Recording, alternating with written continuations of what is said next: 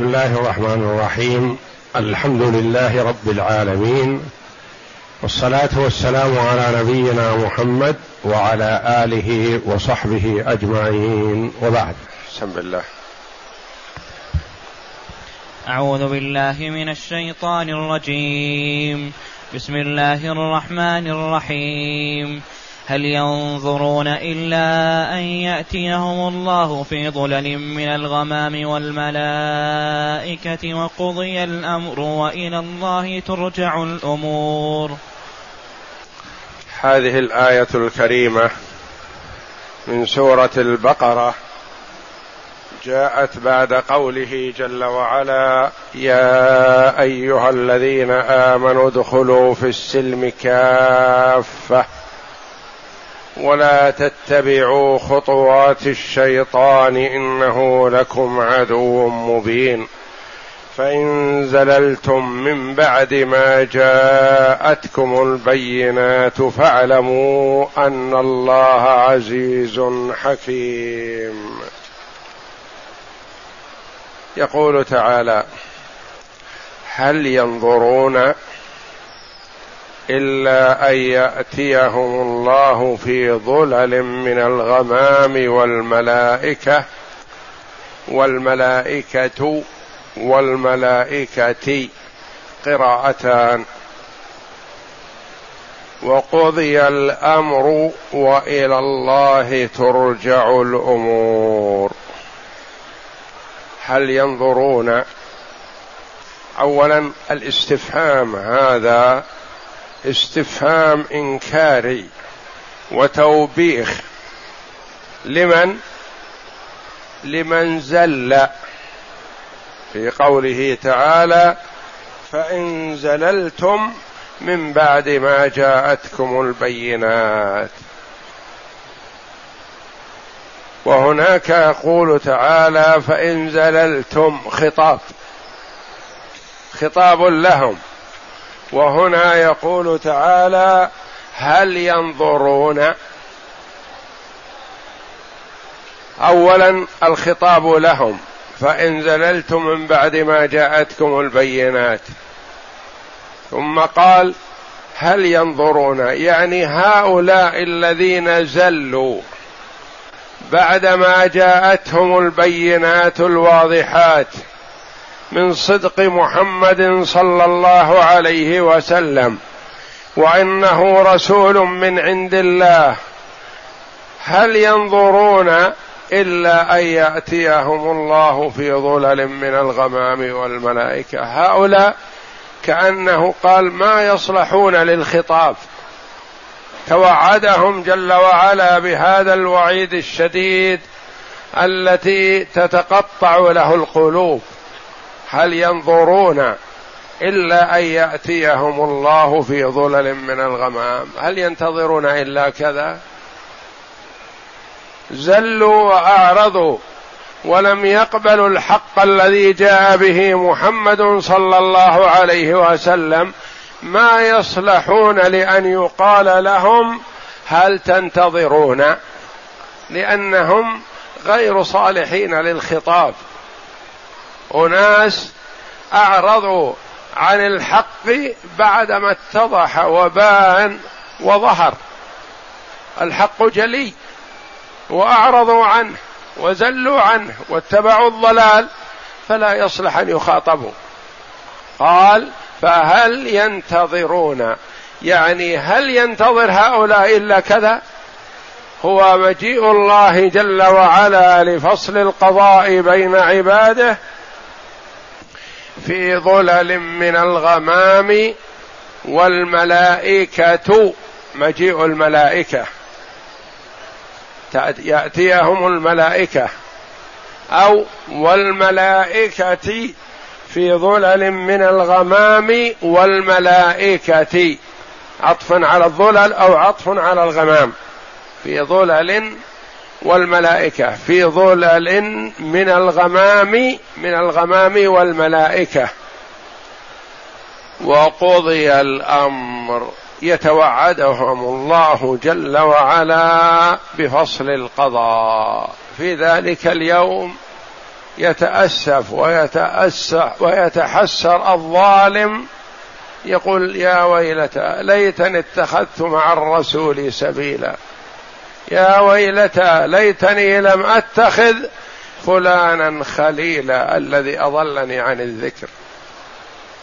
حين لا ينفع التأسف ولا ينفع التحسر ولا ينفع التويل إن هو هالك وقع في الهلاك. هل ينظرون مجيء الله جل وعلا لفصل القضاء؟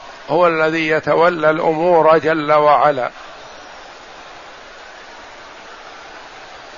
ثم إن الكلام في صفات الباري جل وعلا فيه مذهبان.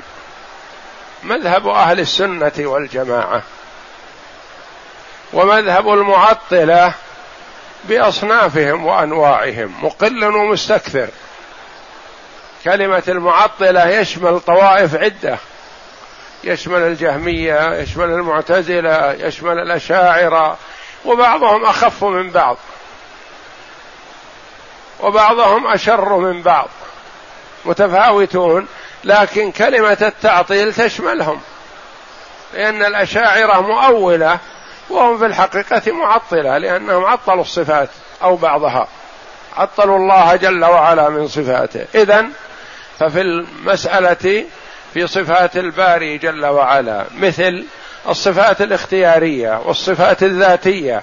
فهناك صفات ذاتية كالعلم والقدرة والسمع والبصر وصفات يسميها العلماء الاختيارية صفة المجيء والنزول والاستواء وغير ذلك من الصفات الاختيارية.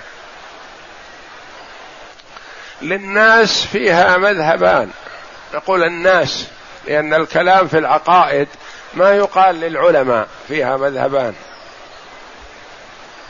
لأن العلماء فئة والمعطلة والجهمية المبتدعة فئة أخرى ما يصح أن يطلق عليهم إنهم من العلماء المحققين.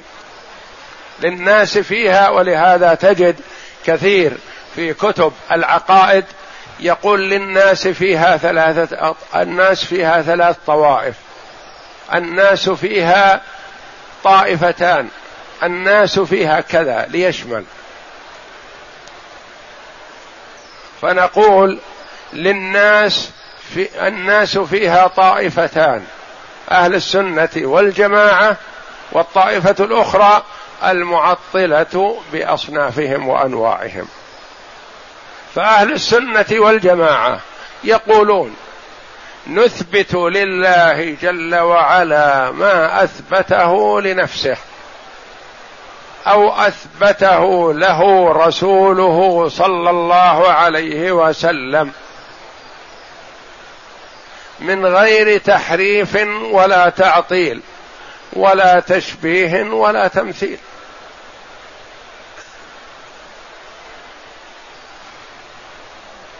نثبت لله ما أثبته لنفسه.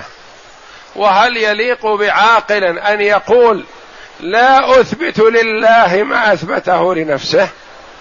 الله جل وعلا يثبت لنفسه الصفة ثم يجيء الجاهل المحرف المعطل يقول لا لا ما يجوز يا ربي ما يجوز يا ربي أن نثبت لك هذه الصفة.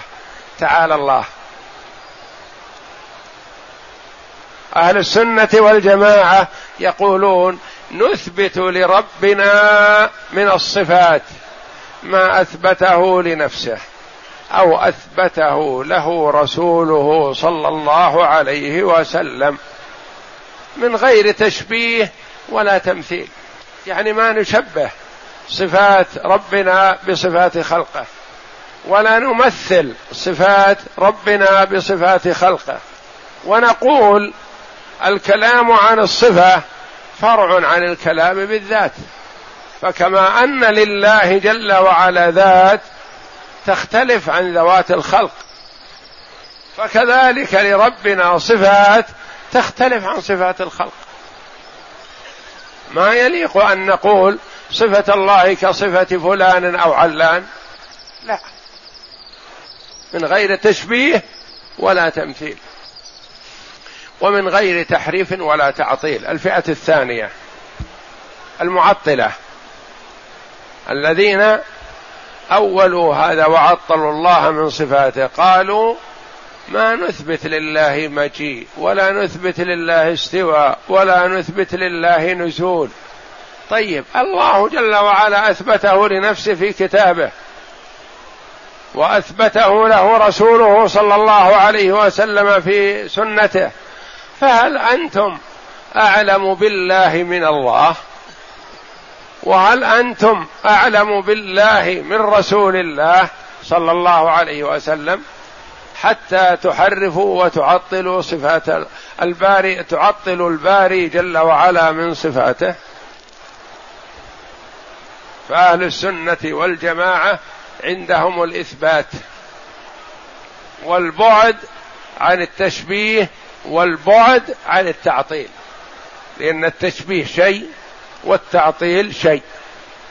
والوسط أهل السنة والجماعة بينهما. المعطلة أول. إذا جاء يوم يأتي ربك وجاء ربك والملك صفا صفا قالوا جاء أمره. الرحمن على العرش استوى. قالوا استولى. الرحمن على العرش استولى. وهل كان بيد زيد أو عمرو حتى يستولي الله جل وعلا عليه؟ يأخذه ممن هو بيده. يقول استولى. ويستدلون ببيت لنصراني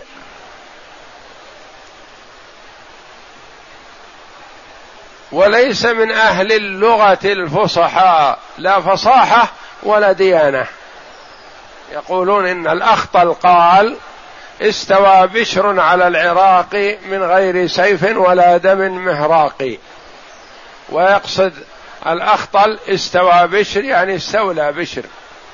استولى بشر على العراق بشر بن مروان. وهل يقاس استواء الله جل وعلا على عرشه باستواء بشر بن مروان على العراق حينما كان اميرا له من قبل اخيه عبد الملك.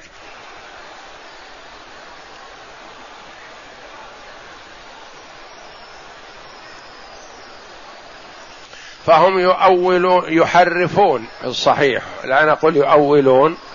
وإنما يحرفون لأنهم هم يقولون نحن مؤولة ليتلطفوا ولئلا ينفروا الناس عن مذهبهم. وإلا في الحقيقة فهم معطلة لأنهم لو قالوا عن أنفسهم نحن معطلة ما قرب منهم أحد.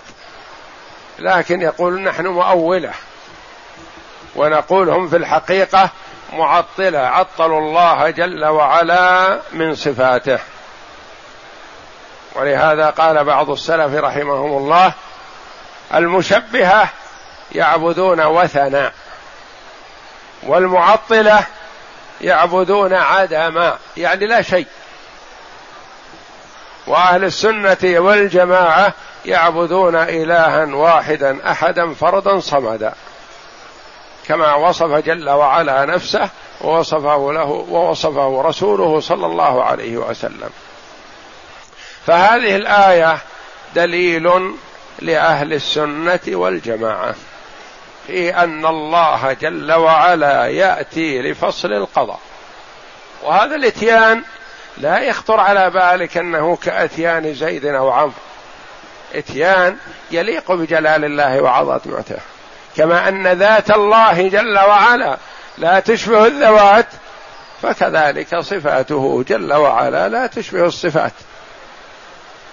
ولا يخطر على بالك حينما تقرأ حديث الرسول صلى الله عليه وسلم ينزل ربنا كل ليلة حين يبقى ثلث الليل الآخر إلى سماء الدنيا فينادي هل من سائل هل مستغفر هل من تائب إلى أن ينفجر الفجر. لا يخطر على بالك أنه نزول كنزول زيد أو عمرو. نزول يليق بجلال الله وعظمته. تؤمن بهذه الصفة وتؤمن بمعناها. ما تقول إني أمرها ولا ولا أقول بمعناها. لا. بل تمرها وتؤمن بها وتؤمن بمعناها ولكن كما يليق بجلال الله وعظمته. فجميع الصفات يجب على المرء المسلم الذي يريد النجاة لنفسه الإيمان بما جاء عن الله جل وعلا أو جاء عن رسوله صلى الله عليه وسلم من صفات الله تبارك وتعالى. يجب الإيمان بها ويحرم عليه تشبيهها بصفات المخلوقين كما يحرم عليه تعطيل الله جل وعلا من صفاته يعني بالنفي والتعطيل. وإنما يؤمن بها ويفهم معناها وكما قال الإمام أه- مالك رحمه الله في الاستواء الاستواء معلوم والكيف مجهول والإيمان به واجب والسؤال عنه يعني عن الكيفية بدعة. ما سأل الصحابة رضي الله عنهم رسول الله صلى الله عليه وسلم وهو بين أظهرهم كيف استوى ربنا؟ ما سألوه لأنهم يعرفون أن هذا السؤال ما يليق. والإمام مالك رحمه الله لما أتاه سائل وقف عليه وهو يلقي الدرس في المسجد النبوي قال كيف استوى؟ سكت الإمام مالك رحمه الله حتى عالته الرحضاء العرق. بدأ يتصبب عرق. رحمه الله. ثم قال التفت إلى السائل وقال الاستواء معلوم. والكيف مجهول. والإيمان به واجب. والسؤال عنه بدعة. وما أراك إلا رجل سوء. أراد أن يلقي فتنة. بذر السوء بين الطلاب فأمر به أن يخرج من المسجد. يطرد. يقول كيف تسألني عن الاستواء؟ هل أنا نزلت من عند الله تبارك وتعالى؟ جئت من عنده حتى تسألني عن كيفية؟ هذا سؤال ما يليق. والصحابة لعلمهم وفقههم عليهم رضي الله عنهم ما سألوا النبي صلى الله عليه وسلم عن هذا. ما قالوا كيف؟ لأنهم يعرفون أن هذا لا يليق. لأن السؤال عن الكيفية من عن شخص اطلع على هذه الكيفية. وهو لا يدري ما ما رأى. فهذه الآية الكريمة دليل لأهل السنة والجماعة في إثبات صفة المجيء لله جل وعلا وصفة المجيء من الصفات الاختيارية.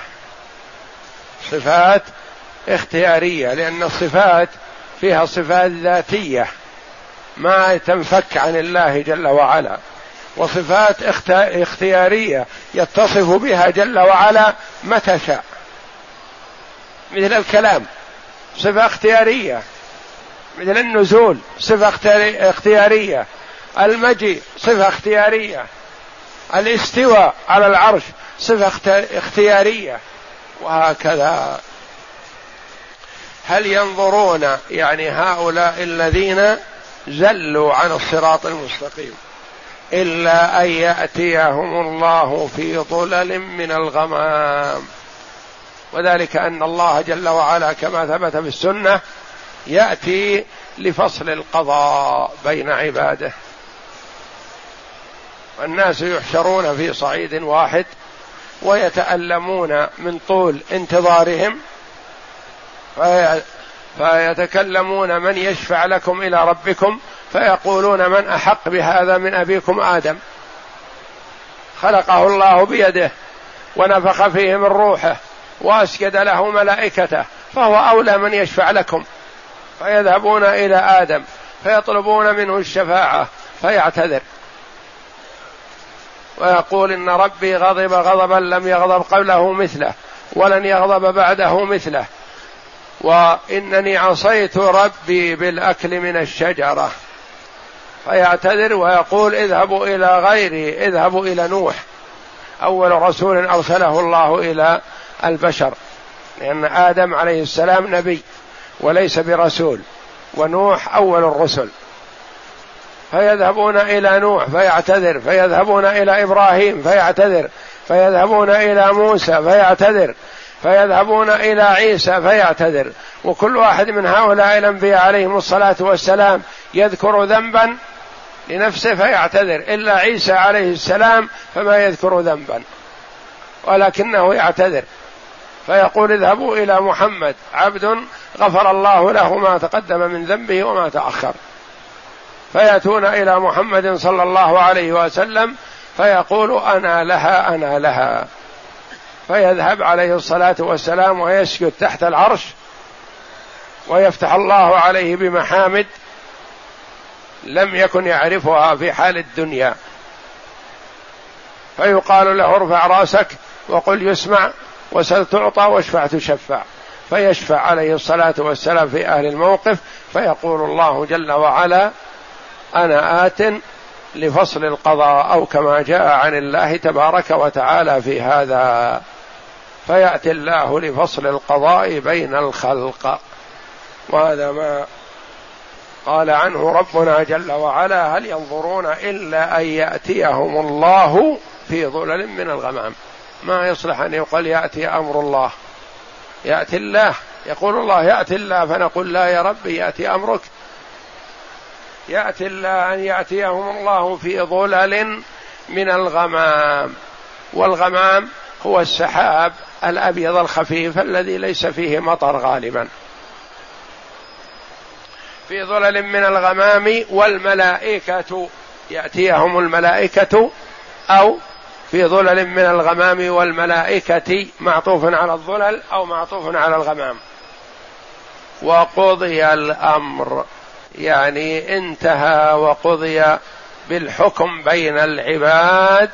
فآل أهل الجنة إلى الجنة وآل أهل النار إلى النار.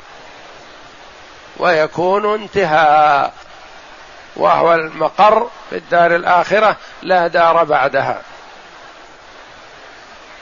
فالدور متعددة أربع المخلوق اولا الرحم رحم الأم.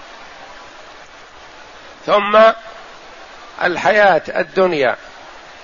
ثم البرزخ بين الدنيا والآخرة القبر. ثم الدار الآخرة وسميت الآخرة لأنها لا دار بعدها. وكل واحدة من هذه الأربع كل واحدة أوسع من التي قبلها. فأضيقها القبر ثم دار الدنيا ثم دار البرزخ أوسع من الدنيا ثم الدار الآخرة. وهي المقر وهي إما الجنة أو النار. الجنة لمن أطاع الله نسأل الله الكريم فضله والمعصية والنار لمن عصى الله جل وعلا. نعوذ بالله من ذلك. وقضي الأمر وإلى الله ترجع الأمور. المرجع إلى الله. لا إلى غيره. هو الذي يفصل بين عباده. وهو يخاطب عباده. ويقرر عبده المؤمن بذنوبه. ولا يفضحه. يرخي عليه ستره. فيستره من العباد. فيقول له يا عبدي فعلت كذا وكذا في يوم كذا وكذا وفعلت كذا وفعلت كذا وغفرتها لك. فيستر الله عليه جل وعلا ويغفر له. وأما الكافر والفاجر والعياذ بالله فيفضحه الله على رؤوس الأشهاد وينصب لكل غادر لواء يوم القيامة فيقال هذه غدرة فلان ابن فلان. وقضي الأمر وإلى الله. تقديم الجار والمجرور يفيد الحصر والاختصاص يعني إلى الله وحده. وإلى الله الأمور كلها في ذلك الموقف إلى إلى الله جل وعلا. في موقف الدار الآخرة إلى الله. يعني في حال الدنيا في شفاعات وفيه كذا وفي توجهات وكل يحاول أن ينفع صاحبه لكن في الدار الآخرة لا. المآل والمرجع إلى الله جل وعلا وهو الذي يعلم السر وأخفى ويجازي عباده بما يستحقون. فمن يعمل مثقال ذرة خيرا يره ومن يعمل مثقال ذرة شرا يره.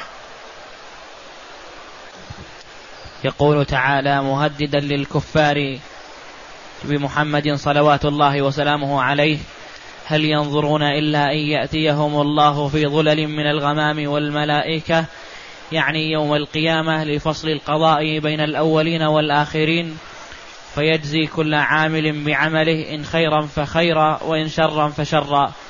ولهذا قال تعالى وقضي الأمر وإلى الله ترجع الأمور.